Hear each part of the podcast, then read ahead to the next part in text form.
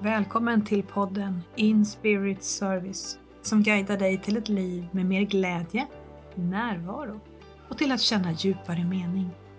Till en vardag med frihet att driva ditt eget företag på ditt sätt. Där du gör det som är menat för just dig.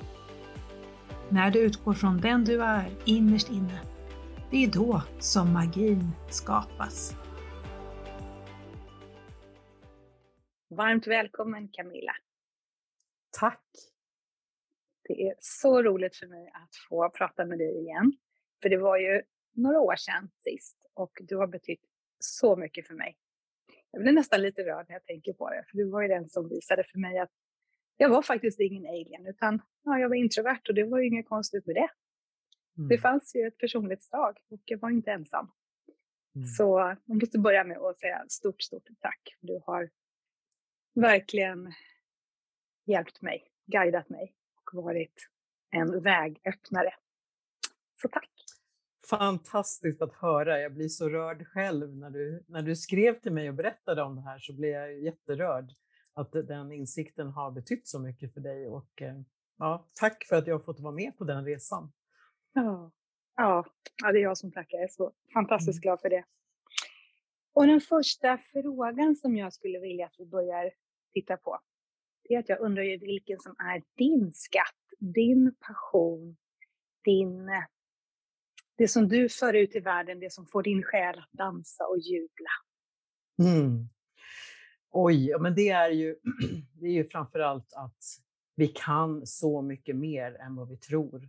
Ehm, att vi har så mycket fantastiska förmågor och att vi många gånger begränsar oss själva. Så att när vi kommer igenom våra egna begränsningar så kan vi verkligen leva livet fullt ut på det sättet som just, just, den här, just jag är menad att leva. Att, eh, att vi hittar vem vi är och vad vi har att bidra med till världen som gör att vi kan leva livet fullt ut. Det, det brinner jag för, att fler ska...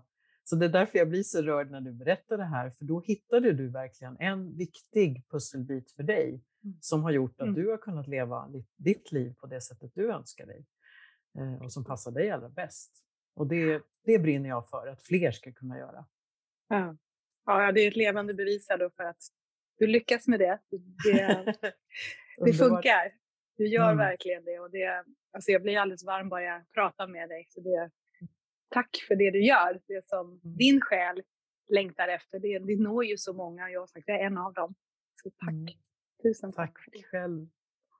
Nästa fundering jag har det är ju lite var du är idag. Och då menar jag både fysiskt och i livet, var du befinner dig. Mm. Just exakt nu när vi pratar så sitter jag i en hotellkarantän i Jakarta. på väg med min son till Bali, till min dotter som bor där.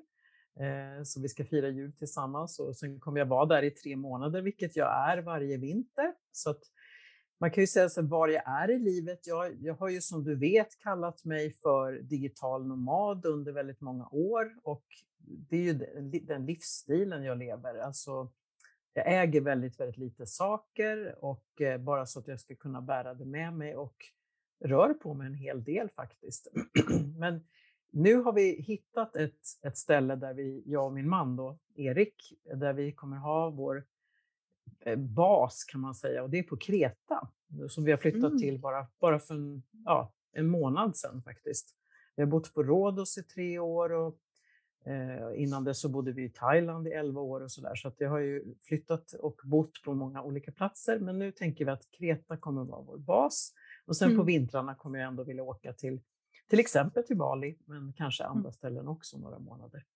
Så det är väl lite min livsstil kan man säga. Mm. Och sen att jag jobbar med att hjälpa människor på olika sätt att förverkliga sina drömmar och visioner skulle man kunna säga. Eh, och mm. det, det älskar jag att göra. Jag tycker det, det är en lyx att kunna jobba med det jag verkligen har som min passion.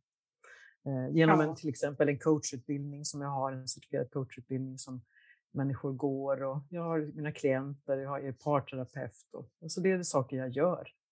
Mm. Och sen är det, handlar det mycket om att jag har hittat en balans i livet. Samtidigt som jag tycker om att jobba och tycker det är roligt så har jag verkligen en, en balans i eh, att också ta hand om mig själv mitt i alltihopa.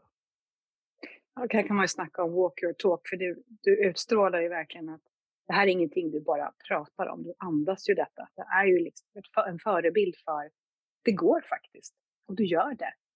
Och du mm. utstrålar ju när, verkligen just balansen, för det är klart att livet inte är en räkmacka bara för att man kan bo på exotiska platser. Det, det är inte det.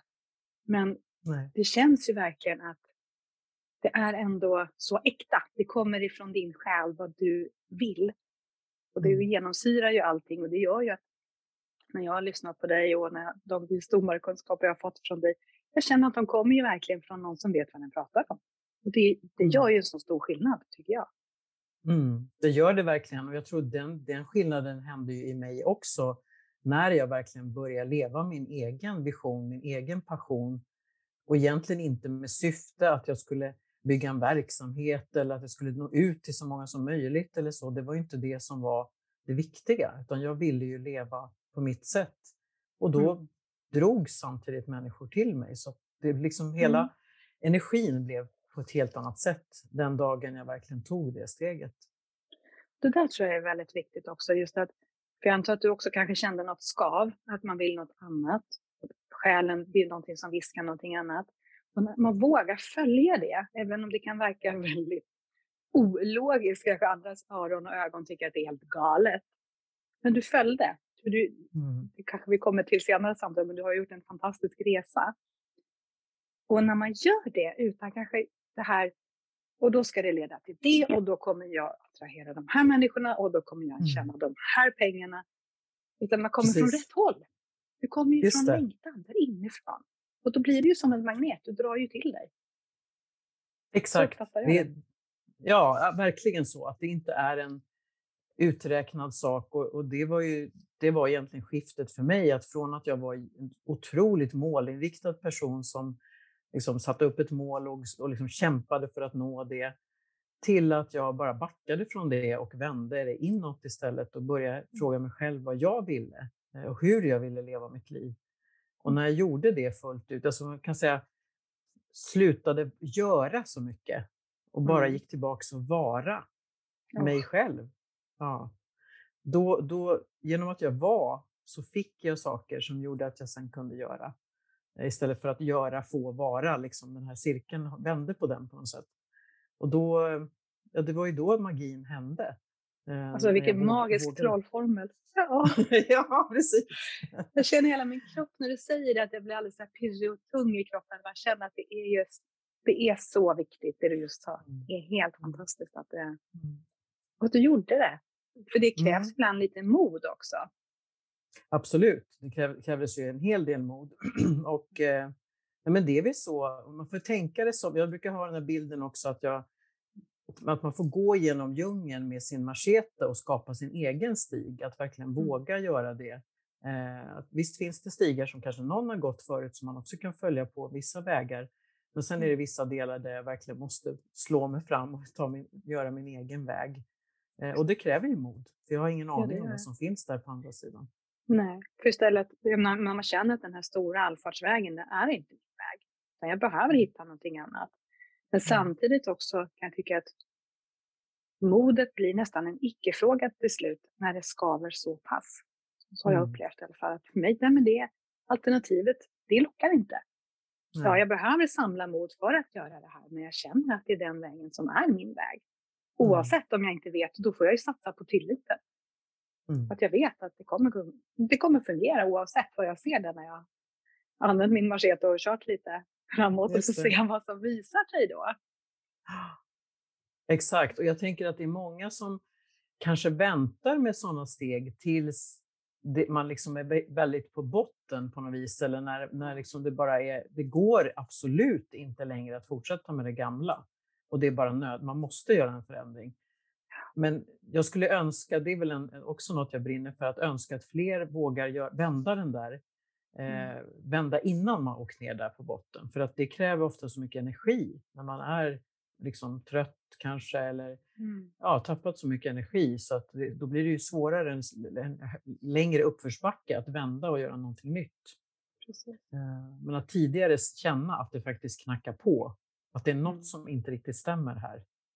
Eh, och vända då.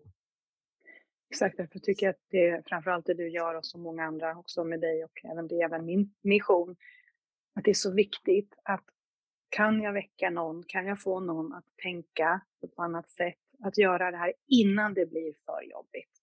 Mm. Det, jag, känner, jag blir nästan ledsen när du säger så här, för det är ju så vanligt att man kör antingen sig själv i botten eller att mm. det behöver hända yttre saker som påverkar en så mycket så att man till slut då gör en förändring.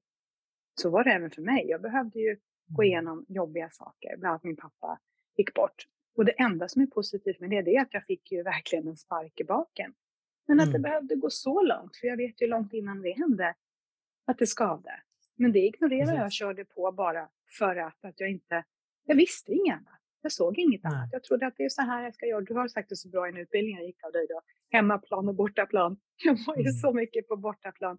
Så jag trodde att det var hemmaplan, för jag visste inget annat. Det mm. behövdes de här rejäla smällarna för att vakna till och se att du kan välja en annan väg. Mm. För nu måste du välja en annan väg. Men Precis. att kunna hitta det när man som säger har energi, kraft och kunna göra det från en annan, ett annat läge på något sätt. Det mm. vore ju fantastiskt. Verkligen.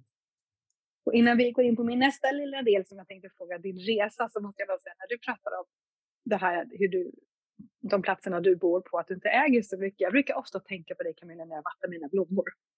Då tänker jag på det. Undrar om Camilla har några blommor? jag vet inte varför det men det känns så här. Jag får verkligen det här perspektivet att jag går runt med mina e-, ägodelar som på något sätt äger mig ibland. Så tänker jag på det mm. du har visat för mig. Att det går ju faktiskt bra att inte äga så mycket också. Mm. Mm. Jag tänker också att det kanske ändå är lite mysigt på ett sätt om ni får en fast bas på Kreta men ändå kunna vara så rörlig. Att det finns Absolut. Precis, och jag tror att det är dags nu. Vi har ändå levt eh, så pass många år, det är ju över 20 år som, som vi har levt i, lite mer i, i kappsäck på något sätt. Då. Men, mm. men att eh, ja, det, det är bara dags nu att kunna... Mm. Jag vet, min man älskar att odla till exempel.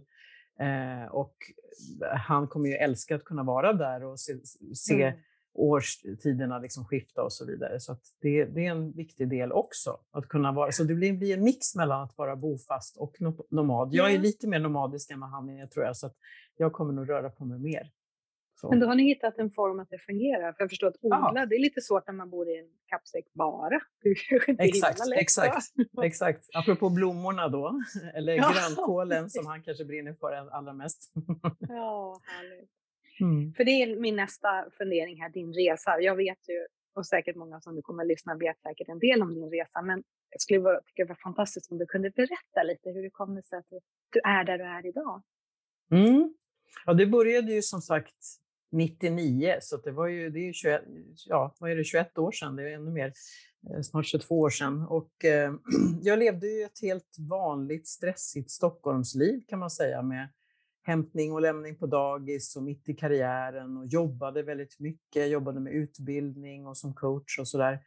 Och var ute bortrest liksom, stora delar av veckan. Så det var verkligen sådär, komma hem på, helt slutkörd på torsdag kväll och eh, ja, iväg igen söndag kväll. Liksom. På det där sättet liksom höll jag på. Eh, och tyckte jag hade världens roligaste jobb. Jag utvecklades så, det var så fantastiskt och sådär. Eh, vi flyttade ut på, på, på liksom, ute i skogen och försökte få det här lugnet, tror jag, mitt i den här stressiga tillvaron. Mm. Genom att verkligen bo ute i skogen i en sommarstuga som vi sedan byggde om.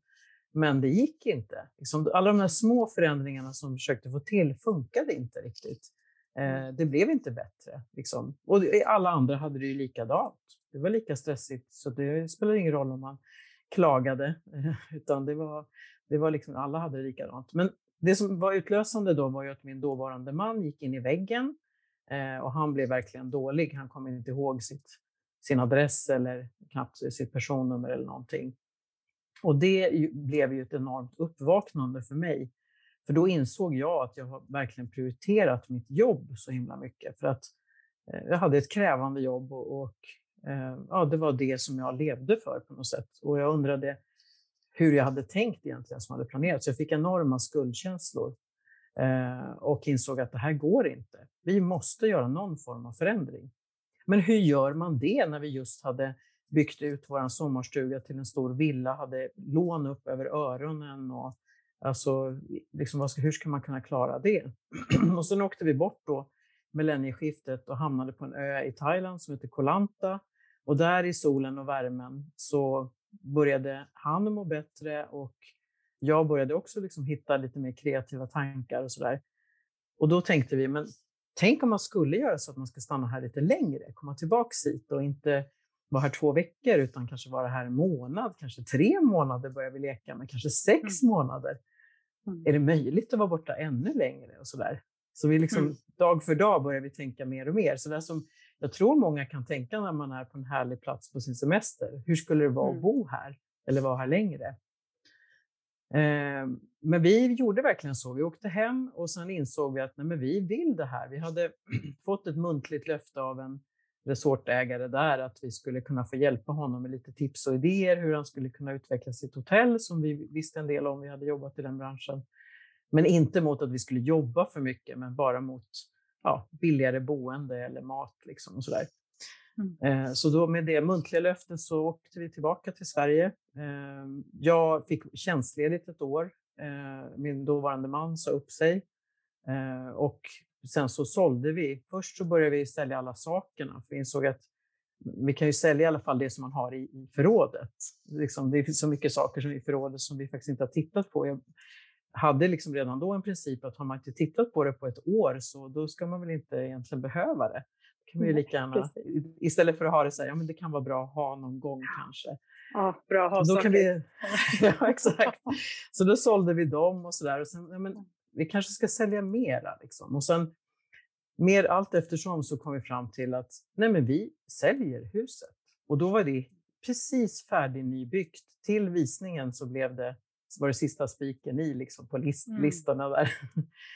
Eh, men vi kände så här att det här är så stor förändring vi gör så att kommer vi tillbaka snart så kommer vi ändå vilja bo på något annat sätt och hitta en annan lösning. Mm. Så vi sålde vårt nybyggda hus och sen sålde vi då alla våra saker. Allt utom det vi ville bära med oss då till Thailand. Så att vi bara skulle ha ja, egentligen det vi kunde bära, förutom en kartong med min, min sexåriga dotters då, gosedjur eh, och våra fotoalbum. Det var det enda ja. som var kvar i Sverige. Ja. Ja, och sen så, så hade vi enkelbiljetter till Thailand. Vi hade ingen aning om hur länge vi skulle vara där, vad som skulle hända. Och det här var ju helt ovant för mig. Jag var ju så målinriktad och visste alltid, jag planerade alltid så mycket. Mm. Eh, och helt plötsligt släppte jag taget om allt det där. Mm. Och var givetvis otroligt rädd liksom, ibland om att bara, vad är det vi gör för någonting? Mm. Eh, och folk, de allra flesta tyckte vi var väldigt modiga och, och, och liksom applåderade och sa tänk om man vågar göra detsamma som ni gör. Men några få var ju mera kritiska och sa tänker ni inte på er dotter vad ni gör och hur ska det gå för henne och skolgång och sådär. Och då sa vi att ja, men det är ju henne vi tänker på. Hon har ju inte haft några närvarande föräldrar. För att vi har ju mm. båda stressat så mycket och inte varit mm. närvarande, även om vi varit fysiskt närvarande. Liksom. Eh, och jag hade inte ens varit fysiskt närvarande speciellt mycket. Så då åkte vi till Thailand och eh, första året blev ju bara att försöka förstå vad det var som hade hänt. Mm. Eh, det var inte alls det fantastiska att sitta där under palmen och känna frihetskänslan, utan det var mer vem är jag? Det var en kris. Mm. En identitetskris som jag gick igenom i alla mm. fall.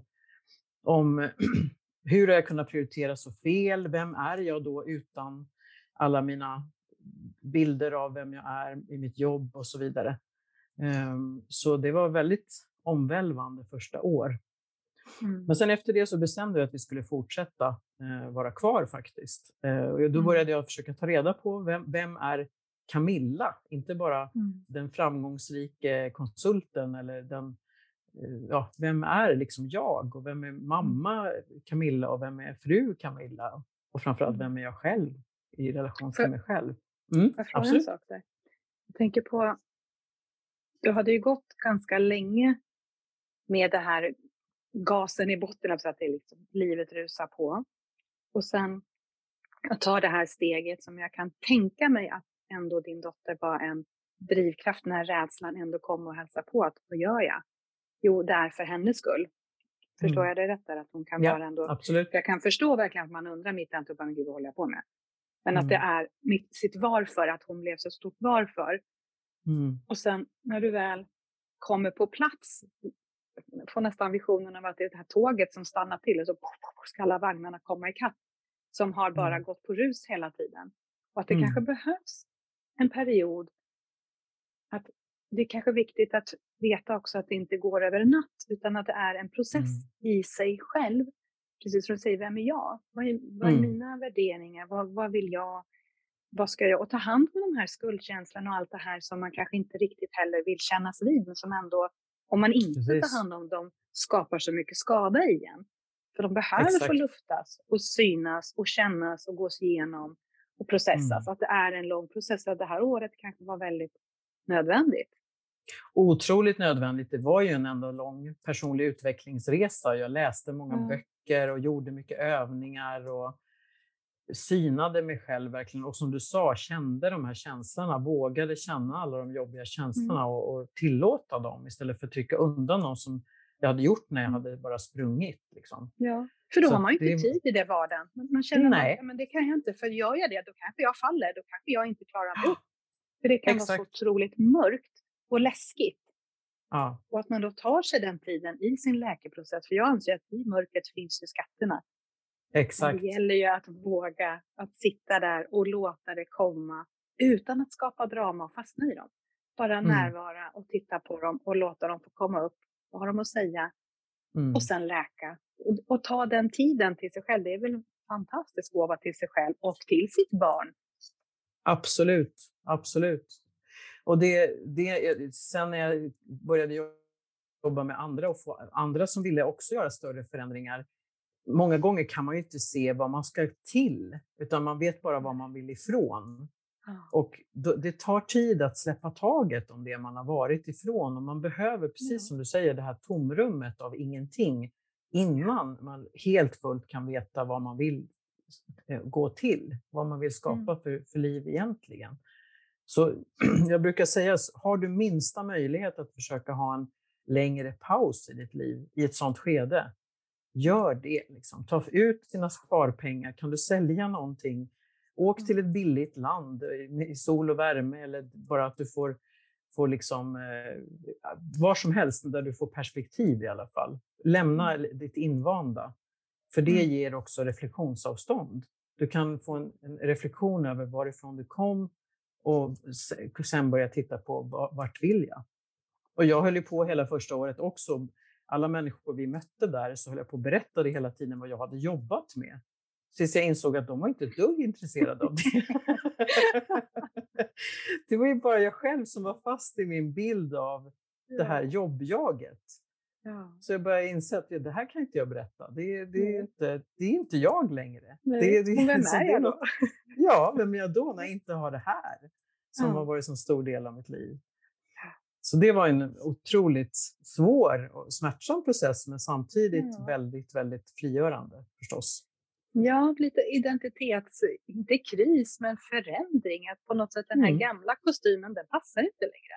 Vad ska Nej. jag ha då? då? Mm. Så tror jag att just den här tiden är så viktig att vare sig kanske fastna eller att inte göra någonting, men inte stressa fram någonting. För det är mm. ju som, jag tänker på den tiden vi är inne nu, för i, i Sverige i alla fall så är det ju vinter. Jag tänker mm. på de här björnarna som går i det och det ska växa fram ett liv. Om hon nu har sett mamman, björnmamman att se till att hon har näring nog för att ta hand om mm. det här livet.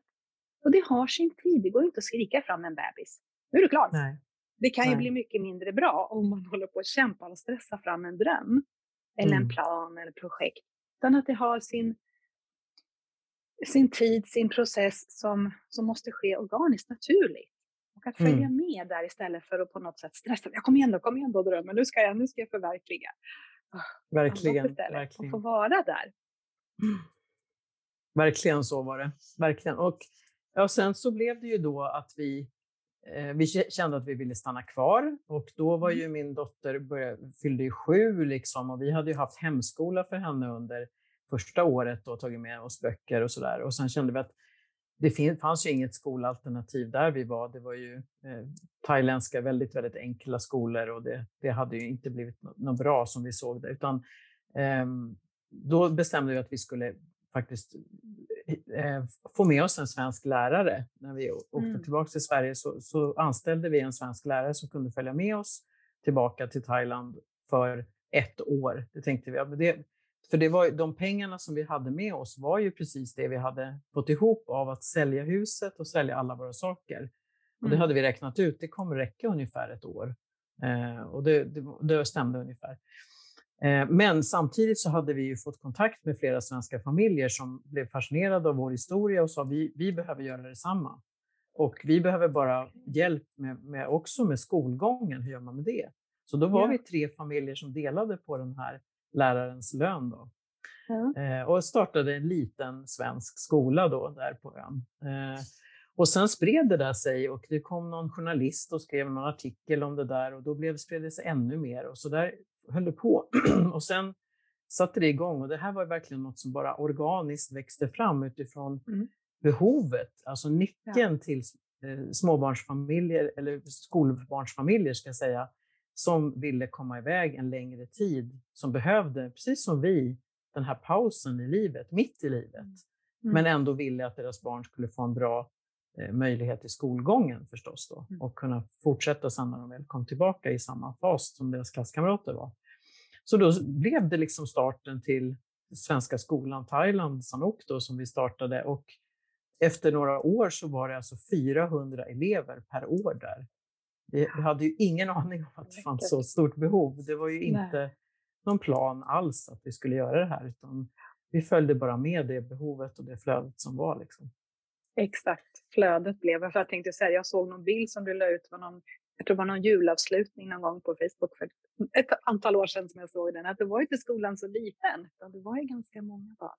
Det var, ja. var magiskt, vad härligt, vad många som det måste ha gett näring och livsglädje till att kunna göra så.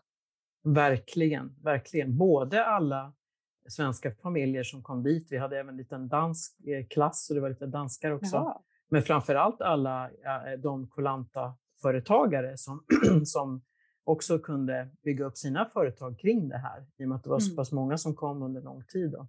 Så att, ja, det var en fantastisk fint. period verkligen. Och sen fortsatte vi, vi startade upp flera verksamheter, vi höll på med bokningar och hjälpte folk att boka de som ville komma då både längre och kortare tider. Och sen var det någon som ville, ville gifta sig, så då tog vi reda på hur man skaffar liksom legala papper och kunna gifta sig på stranden i Thailand och la ut mm. lite grann på vår hemsida och så började det där sprida sig. Och sen efter tre år så hade vi 90 bröllop per år, så då var det liksom ett eget företag. så, för vi var kanske de första som kom på hur man skulle göra det där. Då. Ja. Och sen så blev det då lägenheter och hus som började byggas där som vi då förmedlade då till de som ville köpa ett boende på plats och sådär. Eh, ja, så det blev massa, flera olika verksamheter. Så, så helt plötsligt hade vi ju fullt upp där igen då. Ja. ja. Men sen och vi gick 2011... det blev fullt upp. Förlåt. Ja, nej men det, det var ju klart. Det, det, är ju så när man är entreprenör och kreativ att man hittar på massa nya saker och då är man helt plötsligt inne i en snabb snurr igen då. Ja. Eh, men då försökte vi verkligen hitta nyckelpersoner som kunde verkligen ja, driva verksamheterna så vi kunde vara mera eh, ägare. Liksom. Och mm. ganska tidigt så skilde vi oss faktiskt. Vi skilde oss ju, eh, 2004 och det var precis innan tsunamin kom, så det året var mm. ju en otrolig omvälvningsår. För då mm. försvann ju alla våra verksamheter och alla åkte hem och sådär. Eh, men sen några månader senare så var skolan igång igen och allting satte igång faktiskt. Även om det var lite mm. mindre skala så tog det något år innan det var igång igen. Då.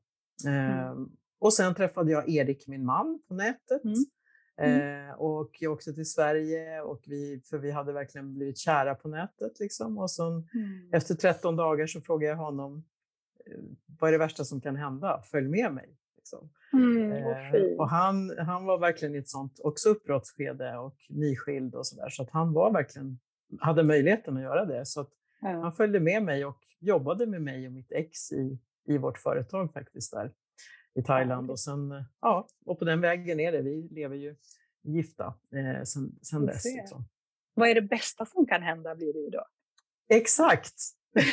Precis. Precis.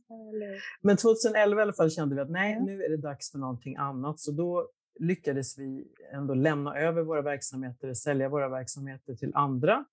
Eh, och sen flyttade jag och Erik, min man, och min son då, Oliver, som under tiden också föddes där, eh, till Rhodos. Så då bodde vi tre år på Rhodos och det var då jag började bygga upp den här digitala nomadverksamheten. Så då, mm. då började jag inse att just det, jag är ju utbildare, jag är coach, jag är parterapeut. Mm. Det här mm. skulle jag kunna göra utbildningar och coacha på nätet och sådär. Det var ju ganska nytt och det var ju 2011 så det var ju inte jättevanligt egentligen i Sverige på den tiden. Mm. Men eh, då började jag bygga upp det där och eh, det gick jättebra. Det tog ett år innan jag var självförsörjande egentligen på nätet kan man säga. Mm. Eh, så då hade, jag, då hade jag återigen då pengarna med mig från det när vi hade sålt verksamheterna som också räckte precis ett år. Så jag hade liksom den här fristen att på ett år måste jag ha andra inkomster som kommer in. Mm. Ja, och sen så på den vägen är det. Så sen, sen dess jobbar jag ju online mm. med mina klienter och med att utbilda. Och, eh, ja, och sen har vi bott och växelvis mellan Asien och Grekland. Så vi har bott på mm. Rhodos och vi har bott på vintrarna då på Bali bland annat. Då. Eh, och sen nu har vi då flyttat till Kreta. Så mm. det är väl i korthet min historia kan man säga. Ja, den magiska historien. Jag tänker på det du sa också när du började bygga upp det här digitala. För du var ju en av pionjärerna, måste det ha varit, inom det här. För för mig var ju du den som också öppnade dörr, dörren till det, att man kan jobba online. Jaha, vilken värld! Och det har för mig har tagit ännu längre tid innan jag har kommit dit. Men för nu är det ju ändå lite mindre motstånd kanske och att det är så mycket mer information och kunskap om hur du gör. Så, mm. Men trots det så tror jag att det är bra att ha med sig att det är inte en räkmacka. Det går inte över en natt att börja lyckas online. Det tar sin tid. Det Verkligen. behöver få, ja, att man har tålamodet där. Att det, mm. Även om man har en jättebra dröm och en stark längtan så, så det tar sin tid att trixa sig fram och hitta det som mm. är min plattform. Och att ha Verkligen. någon sorts säkerhet så att inte den stressen kommer också. Då, då. Men så tänkte jag också på det du sa det här med när det började ändå, det lät ändå som det gick lite på rus ett tag i Thailand med alla företag och allting. Gick mm. det ändå att hålla väldigt bra fokus och bra distans så att det inte fick ta över att det blev ett ekorrhjul. Att, förstår du vad jag menar? Man kom tillbaks till, det var mm. lite det här jag ville ifrån, att det inte blev för mm. mycket, eh, mycket gas i allting. Mm. Hur, Nej, jag kom, det, var, det, var en, ja, men det var en, ett ekorrhjul ett tag, absolut. Så då, det mm. var ju då vi insåg att vi måste göra någonting. Vi, kan, vi behöver kliva bort från de här företagen så att det inte det mm. är vi som är företaget. Så att vi började ja. mer och mer kliva in i en mer, lite mer osynlig ägarroll och lyfta ja. fram andra personer som var anställda då, som var mm. nyckelpersoner och det gjorde i sin tur sen att det blev säljbart. Alltså då var det inte, mm. allting byggde inte på att det var vårt företag, att det var vi som var så viktiga, utan vi hade mm. byggt upp företag som fungerade av sig själv utan att vi behövde bara finnas där.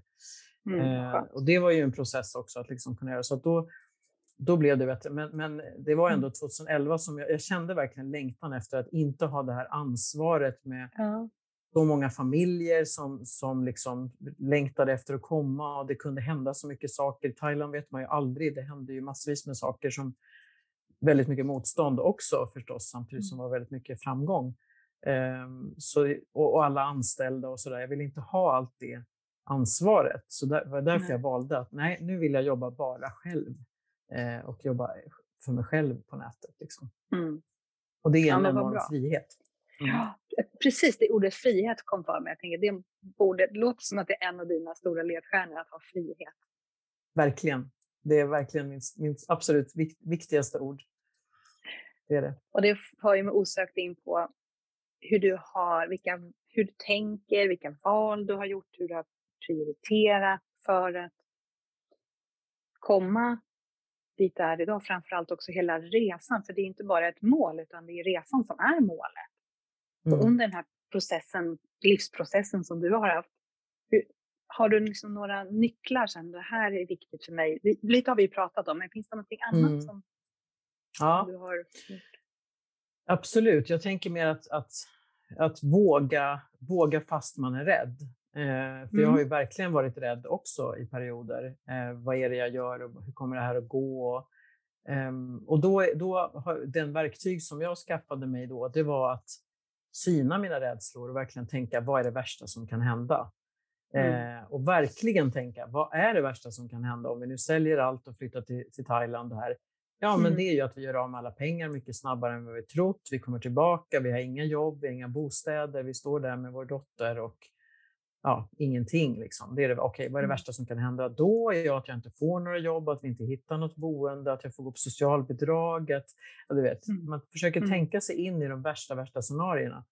Mm. Och sen så när, jag, när man vågar möta de här rädslorna, för många gånger så har vi dem bara under mattan, att det är någon mm. obehaglig känsla, att det går ju inte. Men mm. om man verkligen tänker så här, men vänta nu, vad är det värsta som kan hända?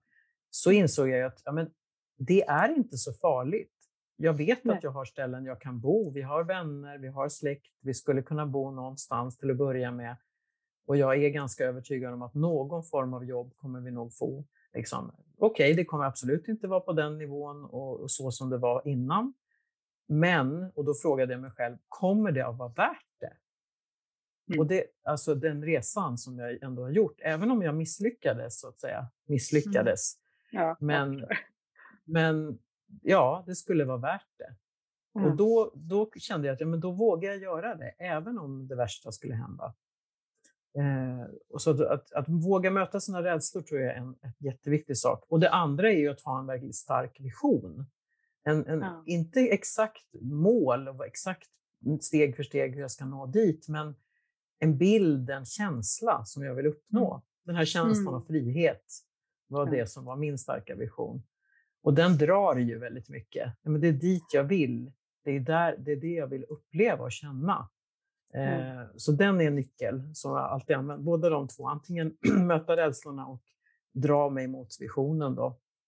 Och sen är ju det här att tänka stort om sig själv. Att våga mm. tänka att jag kan faktiskt lyckas på alla möjliga olika sätt med det jag mm. företar mig. Det är så lätt att vi tänker, nej men inte ska väl jag, eller ja, jag är nöjd bara om det går runt. Eller, mm. eh, jag vet det var någon som just som jag coachade som sa så här, nej men jag kanske, jag är nöjd om jag kan få det här att rulla på, att jag har det som en liten biinkomst. Så, där.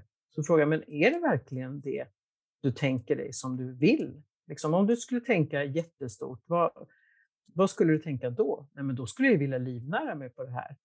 Okej, okay. men vad är det som gör att du inte tänker det från början? Ja. Nej, men jag tänker att det kanske inte går och jag kanske inte klarar att nå ut. Och, och det är alltså våra egna begränsningar som sätter, ja, och det har vi ju alla. Så, så det tror jag är nästa nyckel. Våga tro att du verkligen kan kliva ut i ljuset där framme och stå där i din fulla prakt. Eh, och bara vågar du verkligen tro den sanningen så kan det ju bli så. Det kan ju inte bli så om du inte tänker den tanken i alla fall. Nej, det håller man emot. Vilka fantastiska tre nycklar du har levererat här. Jag, jag känner hur jag blir alldeles glad i hela kroppen. För det första när du pratar om det här att våga syna rädslorna, då fick jag en inre bild av de här, de här från egot med självsabotörerna som jag gillar att prata om. Mm.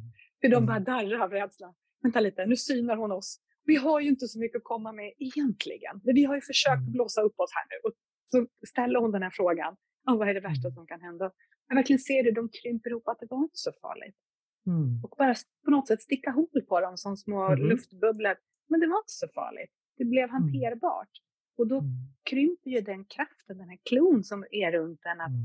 Oh, läskigt. Syna inte det här nu, för det är inte så farligt egentligen. Det var ju Nej. fantastiskt bra. Mm. Och just det här också målet, varför man gör det här. Att verkligen tona in på det. Mm. Det är fantastiskt. Mm. Och sen att våga tro på sig själv. För jag inser att jag kan oftast vara min värsta fiende själv. Det är där mm. det hänger. Mm. Att syna mina egna begränsningar. Varför vågar ja. inte jag tro på mig? Och vem är jag att inte på ett sätt stå i mitt ljus? Vem är jag att inte kliva fram och göra det som är menat att jag ska göra i det här livet? Man har ju, det känns som att man eller jag kan tycka att jag har i alla fall lager på lager av damm som jag måste städa bort. För att mm. det här ljuset ska komma fram. Och jag har skapat det själv. Ja, precis. Och så är det ju för oss, för, för de allra flesta tror jag. Det är, många, det är få mm. som verkligen vågar kliva ut i ljuset. Så egentligen är det inte mm. mörkret vi är räddast för, utan det är ju verkligen att våga stå i ljuset fullt ut. I den mm. vi är, i vår sanning. Mm. Och som du säger, det är då vi blir en fyr för andra. Det är då vi ja. visar upp så att andra också kan se sig själva. Eh, så det, det, är det som blir liksom, det är som en, jag brukar se det som en liten skogssjö som är lite grumlig, men när den, när den blir alldeles, alldeles klar, då kan vi komma och mm. spegla oss där i. Då dras vi ju till de som är skogssjöar. Liksom. Då, dit vill vi och då ser vi oss själva och ser att ja, men jag skulle också kunna. Åh, vilken fin liknelse. Mm. Superfin. Ja, mm. och du är verkligen levande exempel på allt det här. Du är en stor förebild tycker jag. Så fantastiska bra nycklar. Jag hoppas att alla som lyssnar verkligen lyssnade. Spola tillbaka och lyssna på det igen Camilla. Så det, var, det var magiska bra nycklar. Finns det några andra råd som du har som du vill skicka med till de som lyssnar på det här? Ja, jag, jag brukar säga att man kan ställa tre frågor till sig själv när man är i början och vet att ja, men nu behöver jag förändra någonting, vad det än är, i stort eller i smått. Eh, och det är ju, vem är jag? Och där är ju det här som du och jag pratade om, är jag introvert, är jag extrovert, vem är jag, vem är jag som person? Fungerar jag bra att jobba själv? Fungerar jag bra att jobba med andra? Hur vill jag leva mitt liv? Vad, vad är det, vad, vem är jag egentligen? Mm. Och man kan tycka men vi borde väl känna oss själva vid det här laget, men att, att verkligen syna oss själva ordentligt, eh, vad som är jag. Och det andra är, vad vill jag? Mm. Det är ju också en sån sak, vi sitter ofta och väntar på att saker och ting ska hända. på något sätt. Mm. Vi sätter inte upp visioner av vad vi egentligen vill. Eh, så att verkligen känna efter och tänka igenom, mer en vision än, än kanske mål, utan verkligen Vision för mig är en känsla där framme som jag vill uppleva, eh, mm. så som jag vill ha det i mitt liv. Och det tredje frågan är, vad har jag att bidra med som är unikt? Och då mm. brukar folk säga, men jag har väl ingenting som är unikt, jag har ju någonting som så många andra gör redan. Eller hur? Men det var så här, ja, titta till exempel på hur många yogalärare finns det inte? som är mm. helt fantastiska. Ja, det finns massor med yogalärare, men om du väljer att du, din vision är att du vill bli yogalärare, så finns det ju plats för dig också. För det är mm. ingen som kommer vara yogalärare så som just du kommer vara det. Exakt. Och du kommer ha dem som behöver dig, som, som dras till dig, som kommer att komma till dig. Eh, att våga tro att även om det finns andra så mm. är det här min passion och det är min vision och det är det jag vill. Eh, och då ska jag göra det. Eh, då finns det ingen annan som gör det på det sättet från nej. den personen som jag är. Precis. Och sen var det här med att våga tänka stort, men det har vi redan pratat om. Men sen tänker jag också att, att våga också, eller också tänka att ta ett litet steg i taget. Nu gjorde jag ju ett väldigt stort steg och verkligen sålde allt och så, men de flesta som jag har följt som har gjort stora förändringar har verkligen tagit små, små steg en mm. liten bit i taget, men har haft ett fokus. Det mm. här vill jag, haft sin vision framför sig och sen gjort någonting varje dag för att ta sig närmare det. Och det är det, vi, vi överskattar vad vi ska hinna med på en dag, men vi underskattar vad vi kan uppnå på ett år om vi verkligen gör någonting varje dag för att nå dit. Kloka ord, mycket kloka ord. Precis så är det ju. Mm. Det blir hela tiden rörelse framåt. Mm än att stagnera. Det precis, superbra. Och det ger oss, ger oss ju energi också. Att ja, hela exakt. tiden hålla visionen vid liv och inse att ja. ja men jag gjorde någonting litet idag som ändå mm. är på vägen dit. Fantastiska råd. Åh, vad det har varit underbart att prata med dig Camilla. Jag känner att jag är alldeles påfylld av både energi och livsglädje och den här livspassion. Jag verkligen kan känna den här visionen och som blir den här missionen och tar de här stegen mm. framåt. Så värdefullt. Jätte, jag kom på en sak till måste jag säga bara. Det är ja. ju tillit till flödet. Den är nog mm. så viktig. Att, Mycket viktig. Ja, och det är det tror jag som var mitt stora skifte, att, att jag inte kan planera och sätta upp mål och kämpa mot det här målet, utan ibland behöver jag bara följa med eh, mm. och känna var flödet är och ha tillit till att även om jag har tänkt så här, ja, men jag ska ju göra det här och jag ska samarbeta med den här personen eller så, och sen känner jag en massa motstånd där. Det finns mm. egentligen ingenting som säger att det inte skulle gå, men någonting är hela tiden, det, det går inte.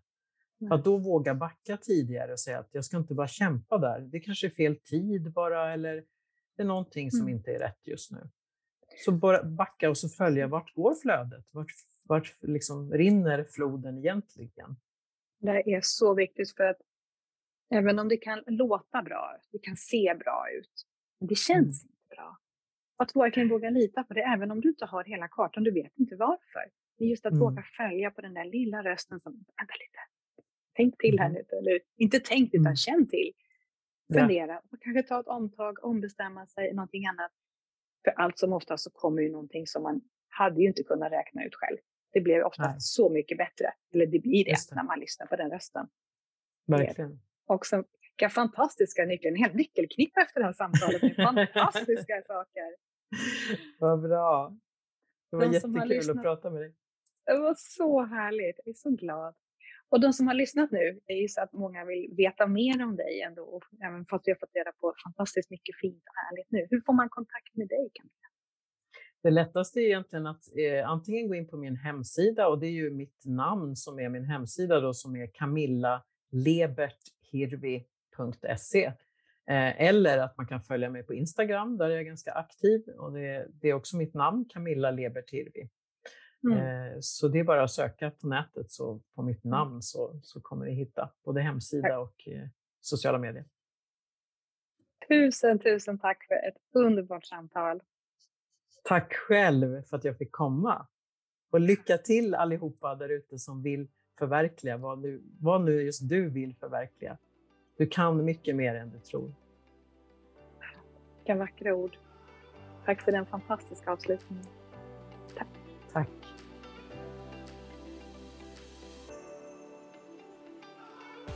Tack för att du har lyssnat på mitt samtal med Camilla. Jag hoppas att du har fått mycket inspiration och insikter som kan guida dig till att hitta din vision och ta dina steg närmare dina drömmar. Glöm inte att prenumerera på podden Inspirit Service så att du inte missar kommande avsnitt.